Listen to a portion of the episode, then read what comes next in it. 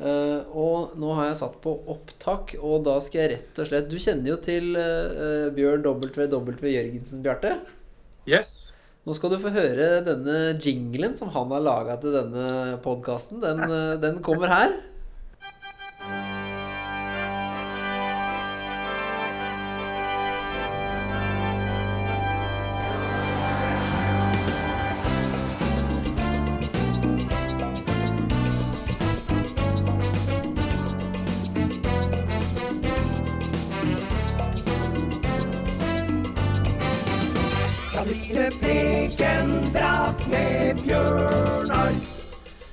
Velkommen igjen til denne podkasten Prekenprat. Jeg og Daniel vi sitter her i studio med Bjarte Våge. Prekenprat med Bjørnar. Velkommen, Bjarte. Hva sier du, Bjarte? Var ikke det litt artig? Det var veldig eh, WW-ish. Det er en bra test. Herlig. Men, eh, men Daniel, eh, nå har vi allerede avslørt navnet på ukens eh, gjest. Men, men du kan jo gjenta det. Hvem er det vi møter i dag? Det er nok en person som mange kjenner til. Du har jo vært der noen ganger. Det er Bjarte Våge. Hei til deg. Hei. Og eh, Bjørn han er jo ikke frekkere enn at han har laga en egen jingle for eh, ukens gjest også, så den må jo du Det, det er til ære til deg, uh, Bjarte, at du får eh, denne liksom bakgrunnsmusikken her, da. Hører du det, eller? Yes. Ja, det er kult. Sterk og klar. Ukens gjest. Ja, det er altså Bjarte Våge. Velkommen skal du være, Bjarte. Eh, Du har det bra der du sitter. Meget. Meget bra. Og du har tatt på deg eh, sjømannskirkeskjorte til ære for denne podkasten og dens lyttere. Ja. Eh, Gitt som en gave under opphold på stasjonen i Ergenegir. Ikke sant, for det er ikke noe hemmelighet, Daniel, at eh, Bjarte er kjent for de som har vært på Gran Canaria før. Ja, de, de, de som har vært her noen år, kjenner vel Har vel vært borti deg. Hvor mange ganger har du vært her, Bjarte? Altså, jeg har jobba der to ganger, så det er ikke mer enn det. Eh, Så sist var akkurat for to år siden. Men jeg har jo reist ned til Gran Canaria mange, mange ganger i løpet av de siste ja, hva skal jeg si, 15 årene kanskje. Eh, Så jeg er godt kjent på Gran Canaria. Det er hyggelig å høre. Eh, og nå er du ikke i varmere strøk, nå er du i kaldere strøk. Ja, nå er jeg hjemme i Norge med Det var en som sa hva gjør dere hele tida nede på Gran Canaria? Vi gjør akkurat det samme som dere hjemme i Norge, unntatt å måke snø. Det er det vi holder på med her for tiden. Men det er jo ikke ofte så mye snø i Arendal, er det det? Jo, det kan være ganske mye. Men uh, dette er det første ordentlige snøfallet i vinter. Ja. Så det er jo ikke ille. Nei da. Det, det, det er jo noen som også vil eh, ta deg på det, at eh, det å kalle snø ille, det blir for gæli. Det, det, hvite, det hvite gull er, det, er jeg blitt uh, vokst opp med å kalle det. Ja. Jeg syns jo også det at snøen skal være et sted hvor man må reise et stykke for å komme til den. Like greit. nei, her har vi faktisk eh, vært gjennom en eh, Jeg har fortsatt litt sånn Kalima, faktisk. Så vi er inne i en sånn liten varmeperiode vi nå, med litt støv og Ja, når vi spiller inn eh, dette her, så ligger vi på en måte Det, det er en stund siden vi spilte inn, og det var ganske heavy i går. Eh, Da var det ganske tett sandis, og Ja. da holder jeg meg i hvert fall innendørs, for jeg er livredd for å bli helt pottetett. Det setter seg både i ja. hode og nese og bryst. Ja, min kone var nede der i fjor i januar. eh, og da gikk jo ikke flyene engang. Da, var det den, da, da tror jeg det var den sterkeste Kalimaen de hadde hatt på lenge der nede. Stemmer det. Ja, den var skikkelig ille, faktisk. Ja, ja. Da hadde vi noen gjester eh, eh, sånn eh, brått innom, fordi flyplassen ble jo overbefolka av folk. Bare en, ja det det. Bare en måned før eh, koronaen, faktisk, så var flyplassen eh, overbefolket eh, av sandfaste nordmenn. Ja. Og min kone var en av dem. Skjønner. det er eh, Anne Helene, var det det? Det er det altså. Det er vel en del som kjenner til ikke bare deg, men også henne? Ja, hun har vært aktiv både der nede og her hjemme. Hun eh, har drevet veldig mye med kommunikasjon, ut, utvikling av eh, kommunikasjon i staber. Og hun har jobba med samlivskurs og, og utvikling av eh, samliv her hjemme. Så, men nå har det vært stille da pga. Uh, koronaen. Så, så nå får vi jo ikke lov å samles. Så, men ellers så hadde vi nok hatt kurs. Vi skulle hatt et kurs akkurat nå i disse dager eh, her i, Grimstad, like ved, ved siden av oss. Men eh, det måtte da avlyses pga. korona. Ja. Så vi holder på, vi holder på ennå. Vågestykke. Vågestykke. Helt Det riktig. syns jeg var litt gøy. Er det navnet på Og firmaet hennes, så jeg pleier å si jeg er Våge og hun er Støkke. Så, Ja, ja. Herlig. Så, så det- det hadde dere normalt eh, gjort sammen, eller? Vi har det. Vi, vi har utvikla dette sammen med eh, ja, oss to imellom, men eh, også sammen med venner. Og så har det utvikla seg i løpet av kanskje Ja, vi har vel holdt på i 20 år, tenker jeg, med det. Spennende. Eh, Med, Ja. med, med, med Ja, samlivskurs. Ja. Mm. To på samme kurs, som det heter. To på samme kurs. Mm. Ja. Så vi lagde faktisk eh, et kurs eh, i eh, forfjor. Så lagde vi et for pensjonister. Så når dere føler dere klar til at det skal arrangeres kurs i Arginigin for pensjonister, så får dere bare si fra. Det var utrolig artig å tenke litt nye problemstillinger som gjaldt for pensjonister. For de kommer opp i stadig andre måter å tenke samliv på. Forhold til barn og forhold til penger og masse sånt. Så veldig, veldig spennende. Veldig artig. Ja, eh, absolutt. Man snakker jo om livsfaser. Og når man får barn, f.eks., så snakker man om at det er på en måte en sånn eh, banebrytende og veldig eh, solid endring på et parforhold. Ja. Men, men det, det er jo veldig banebrytende å f.eks. slutte i jobb og gå inn i en fase som pensjonist. Veldig, veldig stor forandring. Og jeg tror veldig mange har vanskeligheter egentlig med å planlegge hvordan skal vi gjøre dette. Jeg tror jo det er mange som, som kanskje burde ha søkt seg over i en annen stilling, men så får de aldri gjort det, og så blir det for seint, og så blir de for lenge på det siste stedet uh, i sin yrkesaktive tid. Og, og så er det ikke bra, egentlig. Så det å tenke høyt med noen omkring hvordan, hvordan, hvordan skal vi lande? Og hvor skal vi lande? Alle de tingene der. Det er utrolig mange problemstillinger som kommer opp på, på slutten der. Og hvor skal vi bo? Det er vanskelig for mange. Og, og barna som bor på forskjellige steder. Hvordan skal vi forholde oss til både det, noen bor nærme, hvordan skal vi klare å behandle dem likt? Det er ja, mange sånne problemstillinger som kommer opp. Ja, en tanke eh, jeg får i forhold til det du sa om eh, jobb og skifte i jobb Det kan jo være jobb som fører til det også, men jeg mener hvis man eh, er i en Hva skal man si litt, Hvis man er litt utmatta eller sliten, eller hvis man på en måte er litt Ja, kall det sliten, da. Eh, Enten det er å ha stått i jobb, eh, samme jobb, eller et eh, type arbeidsfellesskap, eller press som på en måte man har kanskje tenkt at skal være for en periode, og så blir den veldig mye lengre. Så kommer man jo inn i en livsfaseendring eh, med ganske mye slitasje. Ja, det gjør det. helseutfordringer, f.eks. Ja, ja. Uforutsette ting. Ja, veldig viktig. Og det å treffe andre da, som er i samme situasjon, som er pensjonister, og, og snakke gjennom disse tingene. For det, det, dette kurset er jo ikke dosering av, eh, av eh, sannheter, det er sånn du skal gjøre det. Men det er det å komme sammen, sitte i grupper, snakke om dette, Eh, Så vi bruker en teknikk med såkalte påstandskort. Hvor, for da det er ufarligere enn spørsmål.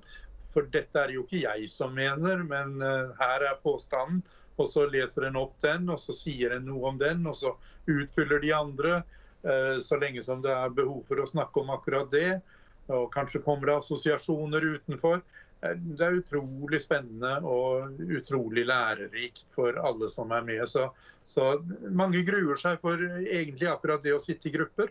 Men etter at kurset er slutt, så er det det de sier dette var det mest verdifulle. fordi der fikk vi egentlig delta sjøl med vårt eget liv og høre andre gjøre det samme. Og, og det ble veldig bra. Det er veldig ofte at sånne samlivskurs eh, ender opp med at de utveksler adresser og telefonnummer fordi de vil treffes etterpå og fortsette eh, en, en stund til eh, senere. Og det er utrolig spennende.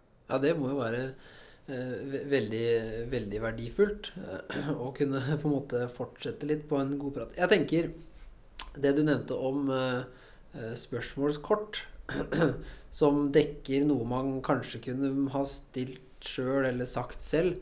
Påstandskort. Påstandskort, ja. Ja. ja.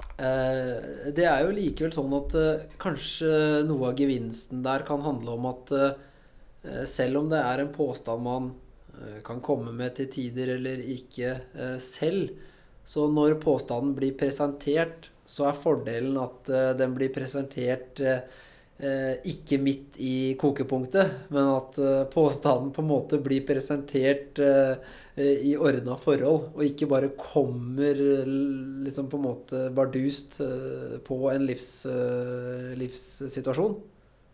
Ja. Eh, altså det kan være en påstand f.eks. som eh, Vi skal ikke legge oss før vi har snakket ut om et problem. Og det er mange syn på det. Noen mener ja, men jeg, jeg klarer ikke det. Jeg må, jeg må eh, absolutt sove på det før jeg kan snakke videre om dette. Og følelsene må legge seg. Andre vil holde seg til en gammel oppskrift om at eh, la ikke solen gå ned og osv. Eh, ja, så, så, så er man i gang. Uh, Ut ifra forskjellige måter å tenke om dette på, handle omkring dette. eh, og det trenger ikke å være da noe man identifiserer seg selv med, men man får en påstand å forholde seg til. Og det virker nokså uh, ufarlig. Mm. Ja. Spennende. Jeg er litt nysgjerrig på hva du tenker du på eh, Hva du tenker om oss og Gran Canaria, vi som er her, vi som representerer Gran Canaria. Er du, er du spent på hvordan eh, hva, du, Har du noen spørsmål til, eh, til oss som er eh, her nede på Sjømannskirken og er på denne øya som er så kjært for mange? Det, tenker, tenker du ofte på Gran Canaria? ja, det gjør jeg. Ja, det gjør Det det? gjør jeg. Og jeg har veldig lyst altså, vi- Vi har jo en leilighet nede i Albir på fastlandet. Eh, Så vi har ikke kommet ned dit heller nå det siste, det siste året. Men eh, det er alltid en glede å komme ned til eh, Gran Canaria og, og besøke kirken der. Og jeg tror vi er på gudstjeneste i, i kirken der hver eneste søndag når vi, når vi er der nede. Så jeg må bare si det at eh, det er fantastisk å, å få lov til å komme, komme ned dit og komme innom på Sjømannskirken, kommer innom på, på senteret der. Det, det er jo bare enestående. En treffer jo alltid kjente, enten blant de som jobber der, eller blant uh, folk som, som er innom. Og det, det erfarte jeg jo sjøl når jeg gikk rundt på terrassen der og satte meg ned og prata med folk. Det, det, var jo noe av det kjekkeste jeg gjorde. Tenk også få lov til å ha det som jobb. Og gå rundt og, og sette seg ned ved bord og prate med folk. Kunne jo holde på med det hele dagen. Det, det, ja, det var en, en stor opplevelse. Da, da traff jeg jo alltid noen som jeg kjente eh, fra et eller annet sted. Norge er et lite land. Så, Og, og her på promenaden og på kirka så, så er det mange nordmenn. Eh, Det er eh, mye færre nordmenn her. Hadde, det hadde vært eh, det, Dere hadde ikke kjent det helt igjen, så vi, vi lengter litt etter en tid. Ja, Eh, det kan jeg forstå, altså. Men, men eh, det, det, det er eh, Sjømannskirken holder hjula i gang. Og det er masse uh, mennesker som uh, tross situasjonen har et møte med både Sjømannskirkens ansatte og folk som er i, i, i Sjømannskirkens på en måte eh, fellesskap. Så, så Sjømannskirken gjør fortsatt eh, vesentlige ting rundt omkring i verden, og absolutt her på Gran Canaria også, så vi er her. Og så, så får vi jo bare satse på at denne vaksinen gjør skikkelig susen, da, og at, eh, og at eh, det blir dreis på litt reising etter hvert. Ja, det, altså jeg må jo bare si at Sjømannsverket har jo en, en eh, stor plass i eh, mitt hjerte. Og jeg har jo jobba ute i, eh, i ti år som, mens jeg var yrkesaktiv. Og fem år mens det var båter. Så det er jo veldig lenge siden. Men så var jeg hjemme da i 20 år og oppdro barn, og så reiste vi ut igjen. Og da var vi i Spania, på fastlandet, da i, i Albir. Eh, og, og i fem år. Og jeg må jo si det at eh, begge de periodene der, det var eh, gull verd å få lov til å få med seg det i, i livet. Og så har vi jo da vært så heldige at eh, etter at vi ble pensjonister, så jeg har vært ute litt mer enn Anne Helene, men, eh, men jeg har vel vært ute på ute åtte ganger, tenker jeg, jeg, etter at jeg ble pensjonist. Så, Ja, Da skjønner jeg hva Daniel mener, at du er godt kjent med Sjømannskirken. ja, Men du er jeg har besøkt ganske mange. men du er utdanna prest, ikke sant? Det er jeg. Så jeg var prest i, eh, i ute da de to periodene. Philadelphia i USA var jeg fem år, og så fem år i Albir. Um, og så har jeg jo da vært hjemme resten i, på forskjellige steder. Lengste stedene i eh, Sandnes og i Kristiansand. Riktig. Jeg har jo, uten at jeg visste det når jeg hilste på deg eh, forrige sesong, eh, så har jeg jo egentlig sånn halvveis godt kjennskap til din sønn Steinar. Ja, Fordi Steinar, nå husker jeg ikke hva kona heter, men Steinar og jeg med min kode, vi eh, var faktisk sånn eh, deltidsansatt i Bekkelaget menighet. ja, sier du det? Da jobba jo også min datter. Ja, Anita. Anita, ja. Ja, stemmer. Eh, Det visste jeg også. Hun var jo på MF litt samtidig med meg. Eh, Hvis det kan stemme? Ja, Ja. og da var hun vel der samtidig med Steinar også. Ja, de var litt rann, uh, sammen, så vi hadde noen eh, middager og lunsjer på, eh, på IMF-kantina der. Men vi bodde Ja. i sånne vaktmesterleiligheter, og så jobba Ja. vi i ungdomsarbeidet i Bekkelaget. Akkurat. Og Steinar har jeg skjønt at uh, har flytta til, uh, til USA. Nei, Canada. Canada, ja. Så han bor på Vancouver Island på vestsida, så, så tomta hans, som der han bor, slutter i eh, Stillehavet. Så, eh, Såpass, så når, når- vi setter oss i båten der og kjører rundt det første neset, så er det Kina neste. Ja, det er, eh, det er, en, det er en annen verden, ja. Altså, han er um, veldig, veldig langt ute. Nå forsvant bildet her, men uh, Ja, Skal bare prøv å trykke på videoen en gang til, så kanskje du er tilbake. Hvis jeg avvis. Hvis jeg trykker på avvis. Sånn. Ehm, jo, han, eh, han bor veldig langt ute, så du kan ikke Du kan ikke eh, reise ut til til, til han med bil, rett og slett. Den siste biten, 40 minutter, så må vi i, i taxibåt de siste 45 minuttene. Så, så han bor helt ute i, ut i havgapet. Helt, ja, det er helt døde. 200 mennesker bor det der ute, så det, det er veldig, veldig spesielt. Så Så han, er jobber med, han jobber med indianere der ute, da. Du verden, så spennende. Det kunne vi jo ha spurt masse om bare det. Men eh, det betyr at du har litt kontakt med Du, du er vant til å eh, ha kontakt med, med din familie via Ja. skjerm. Ja, vi snakker med han en gang i uka. Spennende. Hva, hva sier dere, gutter? Er dere motivert for å hoppe inn i eh, Maria budskapsdag og, Og eh, andre rekkes eh, prekentekst. Eh, vi hva, hva sier du, Bjarte? Jeg er klar. Du er klar. Ja, det Ja. tviler jeg ikke på, Marte. Det sa faktisk Daniel. Bjarte er veldig klar. Ja. Du hørtes sånn ut når jeg snakka så vidt med deg i går. Yes. Ja, Så bra. Eh, teksten er jo eh, Lukas evangeliet. Ja. Eh, jeg tar meg bryet og lese den opp, jeg. Eh, Maria, eh, Maria sa Min sjel opphøyer Herren, og min ånd fryder seg i Gud, min frelser. For han har sett til sin tjenestekvinne i hennes fattigdom. Og se, fra nå av skal alle slekter prise meg salig, for store ting har han gjort mot meg. Han den mektige, hellig er hans navn. Fra slekt til slekt varer hans miskunn over den som frykter ham. Han gjorde storverk med sin sterke arm. Han spredte dem som bar hovmodstanker i hjertet. Han støtte herskere ned fra tronen og løftet opp de lave. Han mettet de sultne med gode gaver, men sendte de rike tomhendte fra seg. Han tok seg av Israel sin tjener og husket på sin miskunn, slik han lovet våre fedre, Abraham og hans ætt, til evig tid. Slik lyder det hellige evangelium.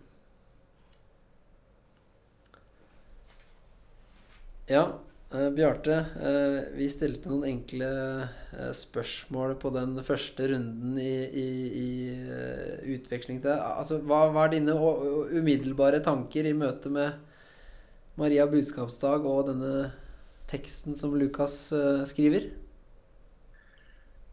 Ja, Det, det er jo at eh, ja, Det er ikke rart at den katolske kirke har løfta henne opp til eh, store høyder og gitt henne en så sentral plass i kirkens liv. For hun er jo en utrolig jente. Og hun ble jo et redskap som eh, Ja, verden aner jo knapt rekkevidden av det hun var med på å formidle mellom himmel og jord. En helt enestående. Ingen har noensinne gjort maken til det som hun gjorde. Og eh, derfor så er hun så spesiell. Og hun, blir, ja, hun fortjener jammen santen en dag hvor hun blir feiret. Det er jo en eh, spesiell dag også. Sånn. Det, er jo da Ja, Maria budskapsdag ligger jo på en måte i tilknytning eh, naturlig til eh, julehøytiden, hvor på en måte det er eh, sk- sk- skikkelig eh, feiring. Men, men eh, syns du Den katolske kirke har har på en måte litt eh, Har de noen fortrinn på oss eh, nordmenn i forhold til å få markert det, og, og på en måte tydeliggjort eh, hennes rolle og posisjon? Altså, jeg er jo lutheraner på min hals, jeg må jo si det. Så, så jeg vil jo si det at når, når de går inn på uh, dette at Maria skal tilbes, uh, så syns jo jeg at de har tatt det hakket for langt. Mm. Eh, hun tilbes jo nærmest som en, en guddommelig skikkelse. Og det er å gå for langt. Men det også gi henne en større plass. For det som har skjedd i den lutherske kirke, er jo det at vi er så livredde for å bli tatt til inntekt for det samme. Ja, det det. Så dermed så har hun ingen plass hos oss. Nei. Det er en hårfin balanse der, å liksom på en måte kunne klare å liksom på en måte løfte eh, fram det som eh, katolikkene har som helgen Ja, kanskje i Luther sine ord, da, helgendyrkelse. Eh, så er det jo likevel eh, eh, noe veldig, veldig viktig med den helgenkulturen som er i katolske kirke, i forhold til å synliggjøre disse bautaene i kirkehistorien. Mm. Du har lest teksten du og Daniel? Ja, jeg, jeg sitter jo og tenker litt på det der eh, På Maria. På hvor gammel hun kanskje kan ha vært. Ja, Sannsynligvis. Og, Bjarte Ja. sa jente, sånn som du sa. ja.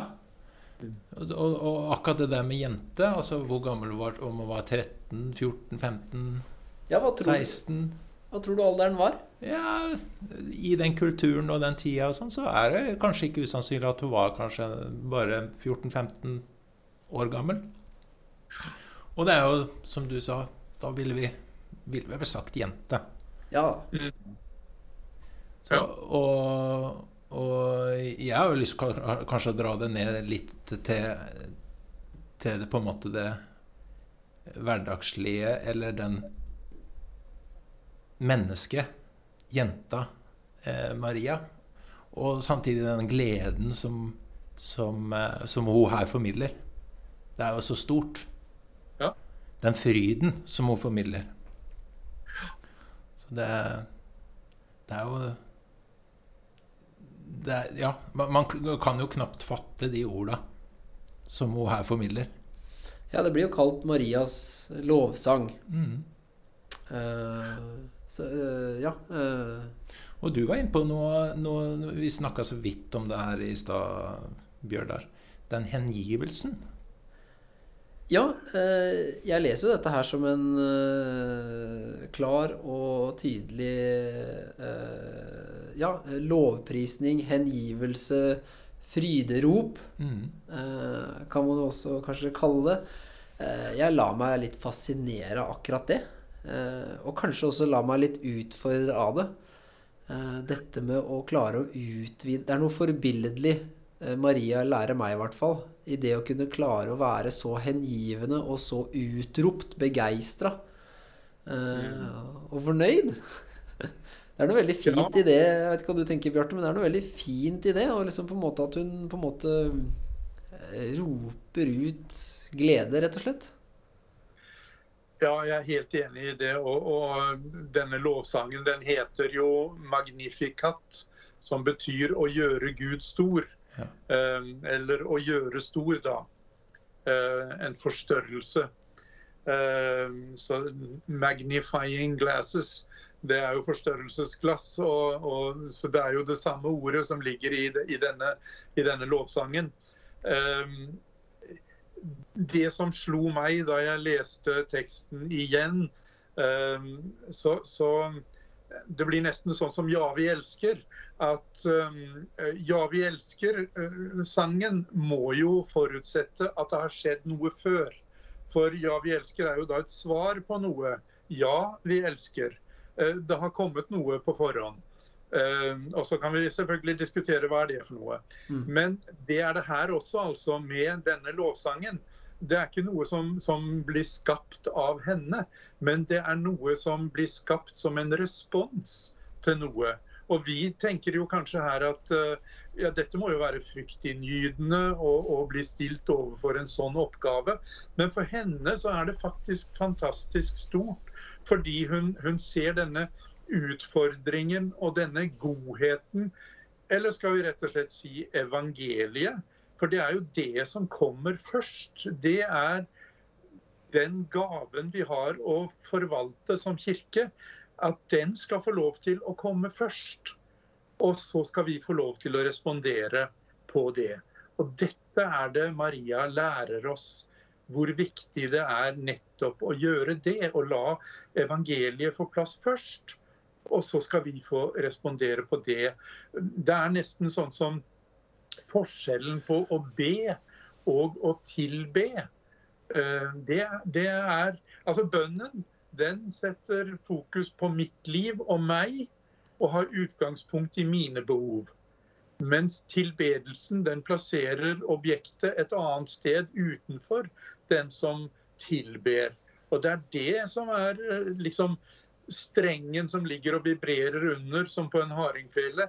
At eh, det er et evangelium som ligger og dirrer her, som, som, som hun da spiller på de øverste strengene over, og så ligger det og, og dirrer under hele tida. Det syns jeg er fantastisk i, i denne teksten. Altså fantastisk lærerikt for, for meg og for kirken i det hele tatt.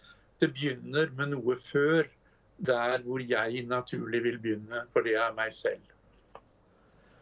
Det er veldig spennende. Det er et uh, forbilledlig uh, blikk. Uh, vi hadde litt forskjellig syn på det, Daniel. Dette her med denne unge jenta, dette som vi kanskje kan kalle for ungdommelig mot.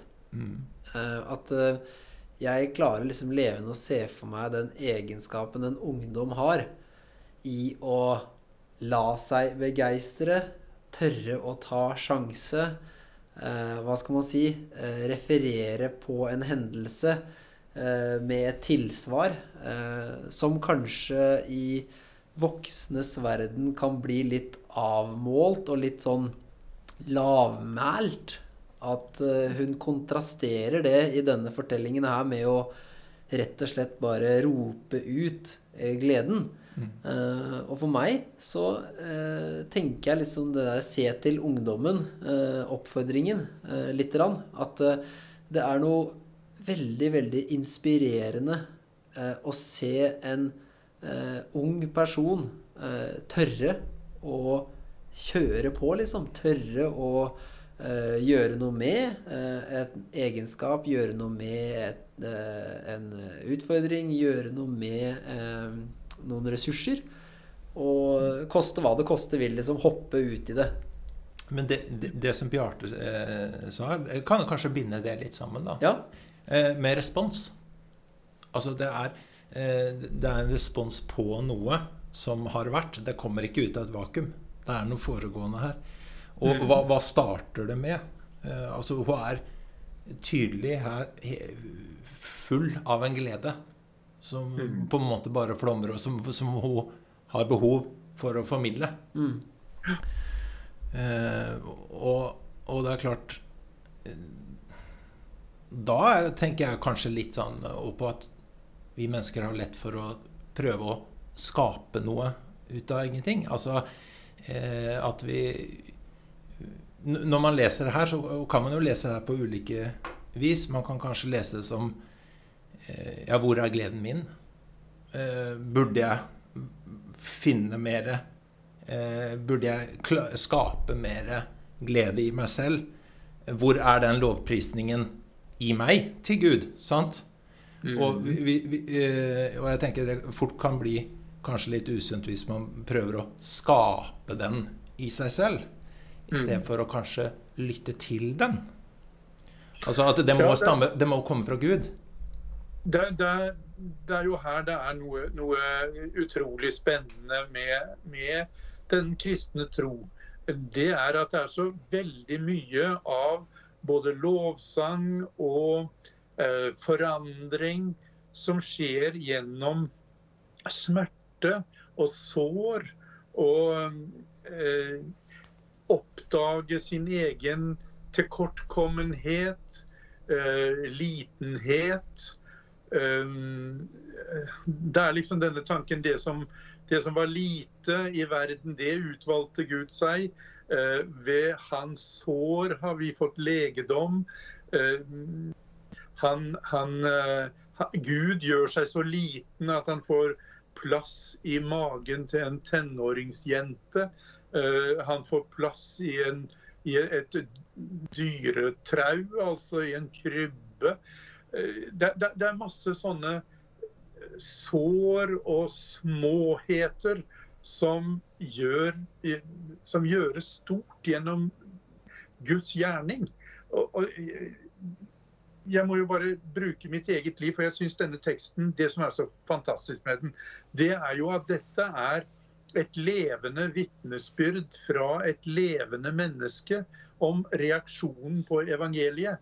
Det er ikke en teori, det er ikke noe sånn uh, paulinsk uh, utlegning av et problem eller hva det måtte være. Men, men dette er levd liv. Og det er en sårbar jente i en sårbar situasjon. Eh, Der er det det skapes en, en sånn fantastisk glede, og, og, og at hun blir et redskap for noe som er mye større enn henne, henne selv. Og Peter og Thomas og hvem det var etter oppstandelsen, det var jo sårene.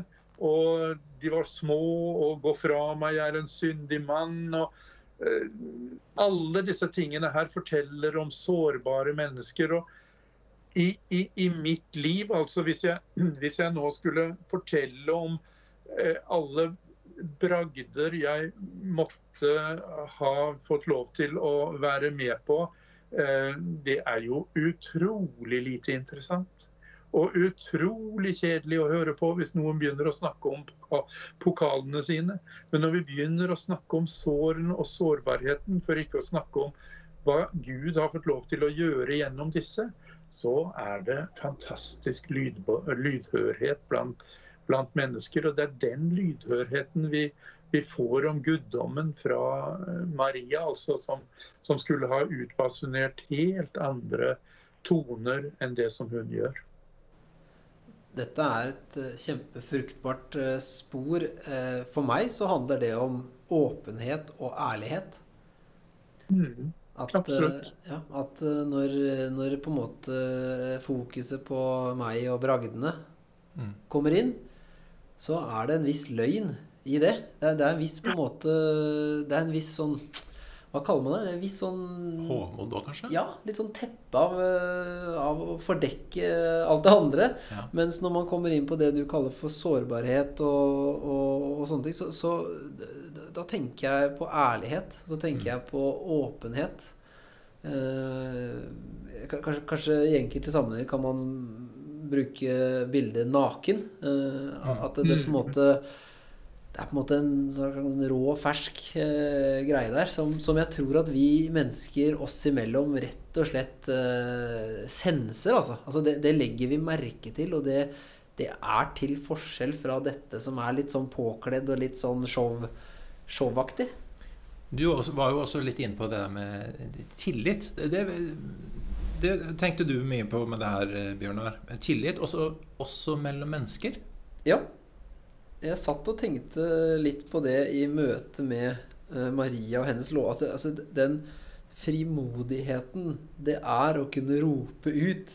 Jeg må ærlig innrømme at jeg blir så spent på liksom, i hvilken sammenheng er det hun roper ut denne, denne lovsangen. Ja. Og, og jeg, jeg kan liksom ikke dy meg med å tenke at jeg, jeg ser for meg at det var folk som hørte det. Ja. Og at det var folk som fikk det med seg. Eh, hvor mange, om hun var oppe på et høyt fjell, eller om hun var i, på rommet sitt eh, med lokka dør, eller om det var på et eller annet torg, eller om det var på eh, trikken, eh, veit jeg ikke. Men, men Kanskje ikke trikken. kanskje ikke trikken. Ja. da, da, poenget mitt er det samme. Jeg, liksom, jeg klarer ikke å dy meg å se for at det var noen som fikk det med seg, og at hennes åpenhet, ærlighet og liksom fryderop at det, det er eh, bånn ærlig. Eh, At eh, her møter vi Maria, og vi møter hennes kjærlighet til skaperen og til guden. Mm. Og, og det syns jeg er veldig interessant, fordi å ha den type tillit til livet, til seg selv, til andre, at du faktisk tør å være deg selv og være åpen og f.eks. uttrykke kjærlighet da, eh, til noen. Det kan Det- være skummelt. Det kan være veldig skummelt. Jeg tenker at det er ikke gitt. Det er jo ikke gitt eh, at man gjør det. Man risikerer fort avvisning. Man risikerer få, fort å få en liten sånn tilbake som man kanskje ikke hadde hoppa på. Ja, jeg vet ikke om det er på en måte noe av det samme du tenker på som hennes eh, forbilledlige egenskaper, Bjarte. Men det er i hvert fall litt der jeg lander. Ja, jeg vet ikke engang om det er egenskaper eller om det er en spontanitet over dette her. Hvor hun eh, rett og slett spiller seg ut sånn som hun, hun er midt oppi det. Og, og det- det er vel kanskje noe av det som jeg skulle ønske at vi hadde mer av i, i eh, kirken. At vi turte å, å la folk få lov til å respondere mer. At vi, at vi dyrket frem en kultur hvor det var naturlig å vise glede. For jeg tror jo det at hvis du spør den jevne borger av kongeriket Norge eh, Hvis jeg sier kirke, menighet, prester, hva tenker du da? Jeg tror det er veldig få som tenker ja, det er jubel og glede og fest. Det, det, det er akkurat det motsatte. Og så er det så mange oppfordringer i Bibelen, guddommelige påbud om eh, å feire og vise glede og fest. Fry dere. ja, det, det er det, altså. Ja, det, Jeg jeg, kan kanskje fortelle, fortelle eh, Charles Spurgeon, som var prestelærer eh, i England. Han, eh, han eh, eh, fortalt, sa til studentene sine at når, når dere forkynner evangeliet og taler om himmelen og Gud, da må ansiktet deres stråle av himmelsk glans, sa han. Når dere snakker om djevelen og helvete, ja, da kan dere se ut som dere pleier. Og det sier jo noe for så vidt egentlig dette om, om eh, at det, det, ja, det er sånn vi, vi altfor ofte er. I stedet for å la denne her gleden her få, få slippe løs. Og, og at, vi, vi, at det er en naturlig del av livet vårt, rett og slett. Ja, du, det, jeg syns det er et kjempe Jeg synes det er en fin utfordring å få, jeg. Som eh, aktiv eh, prest. Går det an å si det? Mm. Går det an å kalle seg sjøl aktiv prest? Hva er det? Inaktiv prest? Nei, jeg vet ikke. Nei. Ja, ja, jeg er passiv Aktiv. prest for tiden. Ja da, Men uh, nå tenker jeg også litt på det allmenne prestedømmet òg, som Luther refererer til. At uh, vi er hverandres prester. Uh, og, og jeg tenker at med det i bakhodet så har jeg lyst til å liksom bare dele en liten refleksjon om akkurat det der. Fordi jeg har jo gleden av å lede dåpssamlinger, dåpsgudstjenester og bryllup, da. Som spesielt markerer det motsatte av det du sier om sorgtung kirke. Eh, men så deler jeg likevel litt den oppfatningen og litt den der eh, utfordringen, Bjarte, at liksom eh, er det, Blir det liksom på en måte kommunisert eh, godt nok av oss? At Kirken er liksom på en måte premissleverandører for høytidelighet, verdighet og liksom på en måte skikkelighet. Jeg glemte å nevne konfirmasjon, som selvfølgelig er en, en del av det. Og jeg må tilføye en del gravferder også. Som, som har dette elementet av åpenhet, ærlighet, faktisk pur glede. Uh, selv i begravelser. Uh, fordi man forteller et menneskets uh, livsfortelling veldig ofte. Ikke fullt og helt, men biter og stykker av det. Og, og det er noe med at liksom den spontaniteten av glede, den, den opplever jeg som, som menighetens leder til tider i disse sammenhengene. Veldig spontant og veldig sånn uttrykt. Og jeg får det også i tilbakemeldinger etterpå at liksom 'Dette var fint'. Nei, så dette var flott. Og om det er på kirkebakken eller i en e-post eller telefon eller et tilfeldig møte på kjøpesenteret eller en løpetur eller hvor det er, så har det noe av denne gleden i seg over å ha vært med på noe stort, viktig, flott eh, og, og sånn, sånn eh, monumentalt, eh, rett og slett. Som, som eh, ligger litt i tråd med uh, det, det som Maria uh, er inne på. Fordi som jeg sa i stad også, denne livshendelsen med å få et barn, f.eks., uh, er jo en på en måte ganske ekstrem situasjon. Og jeg, uh, det, det er noe helt spesielt å se eh, dåpsfølgene, f.eks., eh, virkelig gi seg hen til gleden over dette, dette barnet. da. Så vi har jo dette helt strukturelle eh, i kirken også, at vi er eh, med på å liksom feire livets store eh, øyeblikk. Men eh, kanskje er det litt det at vi, vi har, tar liksom det litt formelle, strukturelle eh, biten, og så selve feiringa. Hvor er kirka da, liksom? Når festen tar av, liksom? Hvor er kirka da? Det er kanskje liksom eh, eh, det, kanskje, det ble jeg litt inspirert av. Litt av det du sier, og litt i forhold til det med Maria sin pure glede. da I kirkens struktur. Mm. Hvor er liksom festen? Mm. Vi kaller det jo for en fest når vi har eh, dåpsgudstjenester. Men så kjenner jeg også de kompiser og medmennesker som har vært i kirka og ikke opplevd det som en fest. Mm. Og det Ja. dekker kanskje noe av det du sier, at dette med det gravalvorlige ansiktet, det, det, det må man på en måte øve seg på å legge vekk av og til.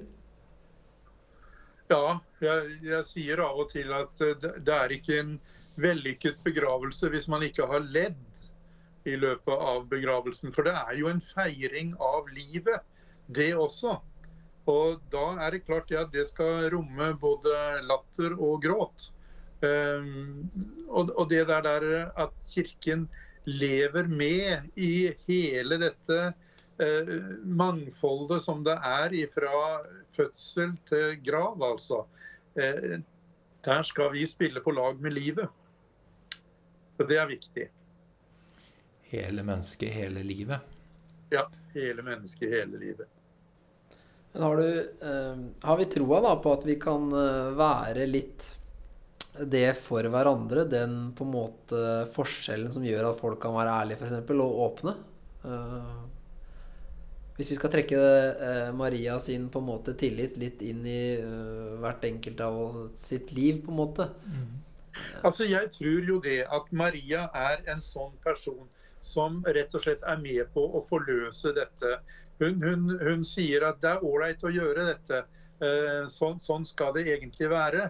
Og, og det som jeg syns er utfordringen til menigheten, det er jo nettopp at du skal se på deg selv som en som, som kan eh, virkeliggjøre denne, denne lovsangen, dette magnificat, eh, på, på denne og hver eneste dag med livet ditt. Eh, for for eh, hvis noen gjør det, så smitter det.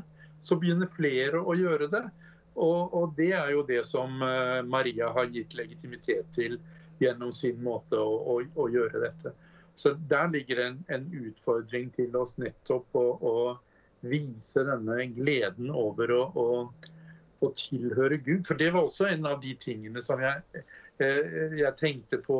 Er, er det noe å tjene på det å ha tillit til Gud? Sto det i et av de spørsmålene Ja, ja. som dere hadde laget. Ja.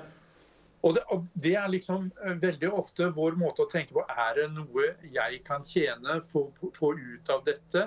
Um, men det er for meg egentlig å begynne i feil ende. Det er ikke der det ligger, men det er å møte dette som, som Gud gir til meg. Dette Mm. evangeliet. Tilhørigheten. Jeg er en del av Guds familie.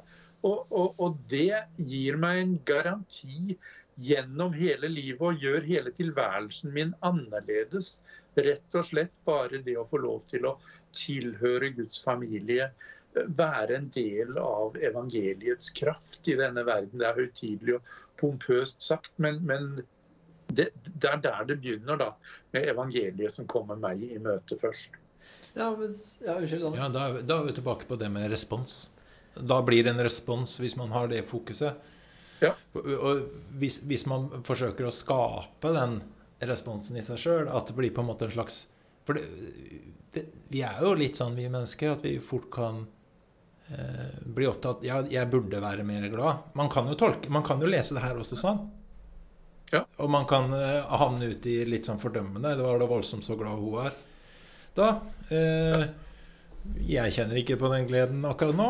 Og så, og så Ja, det er noe meg det er noe galt med, eller jeg burde kanskje prøve hardere, eller Men hvis man ser på det som, som du sa, da, som en, en respons på den gleden at, man søker han som gir denne responsen. Den kommer fra et sted. Ja, du, dette var fruktbart for meg. Det, eh, hvis man skal kalle noe for evangelium i dette tek denne teksten her, da, altså det gode, eh, de gode nyhetene eh, til oss Dette er gode nyheter for meg, for det, det, det virker avlastende. Mm. Når man på en måte kan gi litt slipp på det å eh, sikre livet sitt. Eh, som du sa, eh, hvis man skal på en måte Jo, jeg må være på en måte liksom, Hvis jeg er religiøs, da får jeg den pakka, på en måte. Eh, hvis jeg er aktiv, så får jeg den pakka. Hvis, altså, hvis, man sik hvis man har fokus på å sikre livet sitt hele tiden, så, så, så står man jo og bærer ansvaret for livet selv. Det kan Og- være tungt. Det kan være ganske slitsomt. Eh, og mens det du nå sier, eh, Bjarte, i forhold til tilhørighet, da eh, Det er jo mer en grunnfortelling eh, som kan på en måte man kan slutte seg til. Eh, og så og så er det plusser og minuser å være en del av en familie, på en måte. Men, men eh, vi vet jo også det at det å være i et på en måte slektskapsforhold, det er liksom Vi kaller det for eh, blods, blodsband, da, og ikke Ja. Ja, det, det, er noe, det, er noe, det er noe robust ved det. Og for min del så vil jeg, tror jeg vil kalle det for litt sånn avlastende godt håp. Eh, at at Mar det ligger under her eh, at Maria viser oss denne, denne muligheten til å slutte seg til og respondere istedenfor å skape og grave fram og provosere f.eks. glede, da, som du sa, Daniel. Mm. Ja, det, altså denne fortellingen den står på mange måter i kontrast til Jeg, jeg leser veldig ofte uh, disse intervjuene som de har på lørdagen, er det vel, i Vårt Land, 'Min tro'. Og jeg blir så skuffa gang etter gang etter gang, fordi at det begynner alltid med meg og min person. Jeg har tenkt sånn, og jeg kan ikke, og eh, synes det er rart at osv. Eh, det er ingenting av dette i denne teksten om Maria. Der begynner det med denne gudstilhørigheten og det som Gud møter henne med. Eh, Og få øynene opp for hvor stort det er, og responsen på det. Mm. Så Det er veldig forskjellig fra mange av de trosintervjuene som jeg leser i, i Vårt Land. Ja, eh, veldig eh, spennende. Sånn som jeg hører deg da, så hører jeg det slik at eh, det, det er på en måte Det å få løfta blikket litt vekk, altså fokuslinsa, eller hva som man kaller det, eh, vekk fra ens egen eh, liksom på en måte navle. eh, Ja. Og ut og opp har noe altså vi er, vi er, Det er noe der som er eh, godt og fruktbart for det enkelte mennesket. Ja. tillit, eller tro. Eh, Ja, man, vi var jo så vidt innpå det i stad, rett før her. Eh, Kan eh, kanskje være litt å slippe litt taket. Taket i sitt eget strev. Det står jo en del eh, Det står litt om det i Bibelen også. Ja. Og, og, og det der med å kunne hvile i hans hender. Hvor kunne få lov til å, å, å slippe litt taket. Og ja, men det, er, det, er, det er du som tar det her, Gud. Så er det jo klart at eh, vi til viss grad så må vi jo holde fast i livet. Det er på en måte vårt mandat og vårt ansvar å liksom holde eh, livet fast når vi først har fått den tida vi har fått her eh, på jorda. Men det kommer også en tid hvor selv det må slippe, da. Eh, og, og på en måte Det er veldig det er veldig eh, interessant og en ganske sånn fundamental utfordring for mennesker, tror jeg. Jeg, kan kjenne, jeg kjenner det for meg sjøl. At man på en måte skal gi litt avkall. Ja. Liksom, liksom måtte gi litt, uh, gi litt slipp. Og, og det var det jeg tenkte på med det med tillit. At uh, Maria liksom har den evnen til å gi litt slipp på de tankene og kanskje fordommene uh, et sånt uttrykk vil gi. Og og hun, hun Det hun gjør, er at hun vitner om Gud.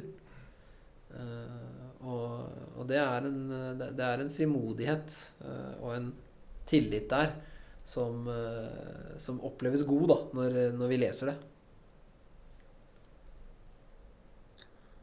Ja, hvis vi skal vel kanskje gå inn for landing også. og eh, Du nevnte barna våre eh, også, Daniel. Og, og eh, jeg har sunget godnatta-sangen ved senga deres i eh, mange år. Og der var det en setning 'Kjære Gud, gå aldri fra meg'. Og til slutt så sa jeg til Anne Helene jeg kan ikke stå her og så synge den setningen. Det, det, jeg har ikke noen verken opplevelse eller noen tekster som skulle tilsi at Gud noen gang går fra et eneste menneske. Hvis det er noen som går, så er det vi. Og dermed så, så begynte vi å synge 'Takk at du går aldri fra meg'. Og nå er det da blitt forandra sånn i salmeboka også. Ja. Eh, Så det er det som står. Og eh, det er noe av det som er egentlig, hvis vi skal si det litt kort og alminnelig, som denne teksten handler om. For jeg tror at hun må ha følt seg veldig alene, Maria, med dette ansvaret som ble lagt på, på henne med å føde verdens frelser. Og jeg tror at det som ligger og, og, og dirrer i livet hennes, det er denne vissheten om takk at du går aldri fra meg. Mm. Det gjelder Maria, og det gjelder hver eneste en av oss. Du, det var flotte ord til slutt, uh, Bjarte. Uh, da tror jeg rett og slett jeg skal koste på meg tusen takk. Eh, Tusen takk for at du ville være med i denne podkasten og ja, ikke minst snakke med meg og Daniel. Veldig hyggelig at dere tok kontakt og inviterte meg inn. Prekenprat med Bjørnar. Så da får vi bare vente og se hva som blir eh, neste episode ut. Men eh, takk for denne gang.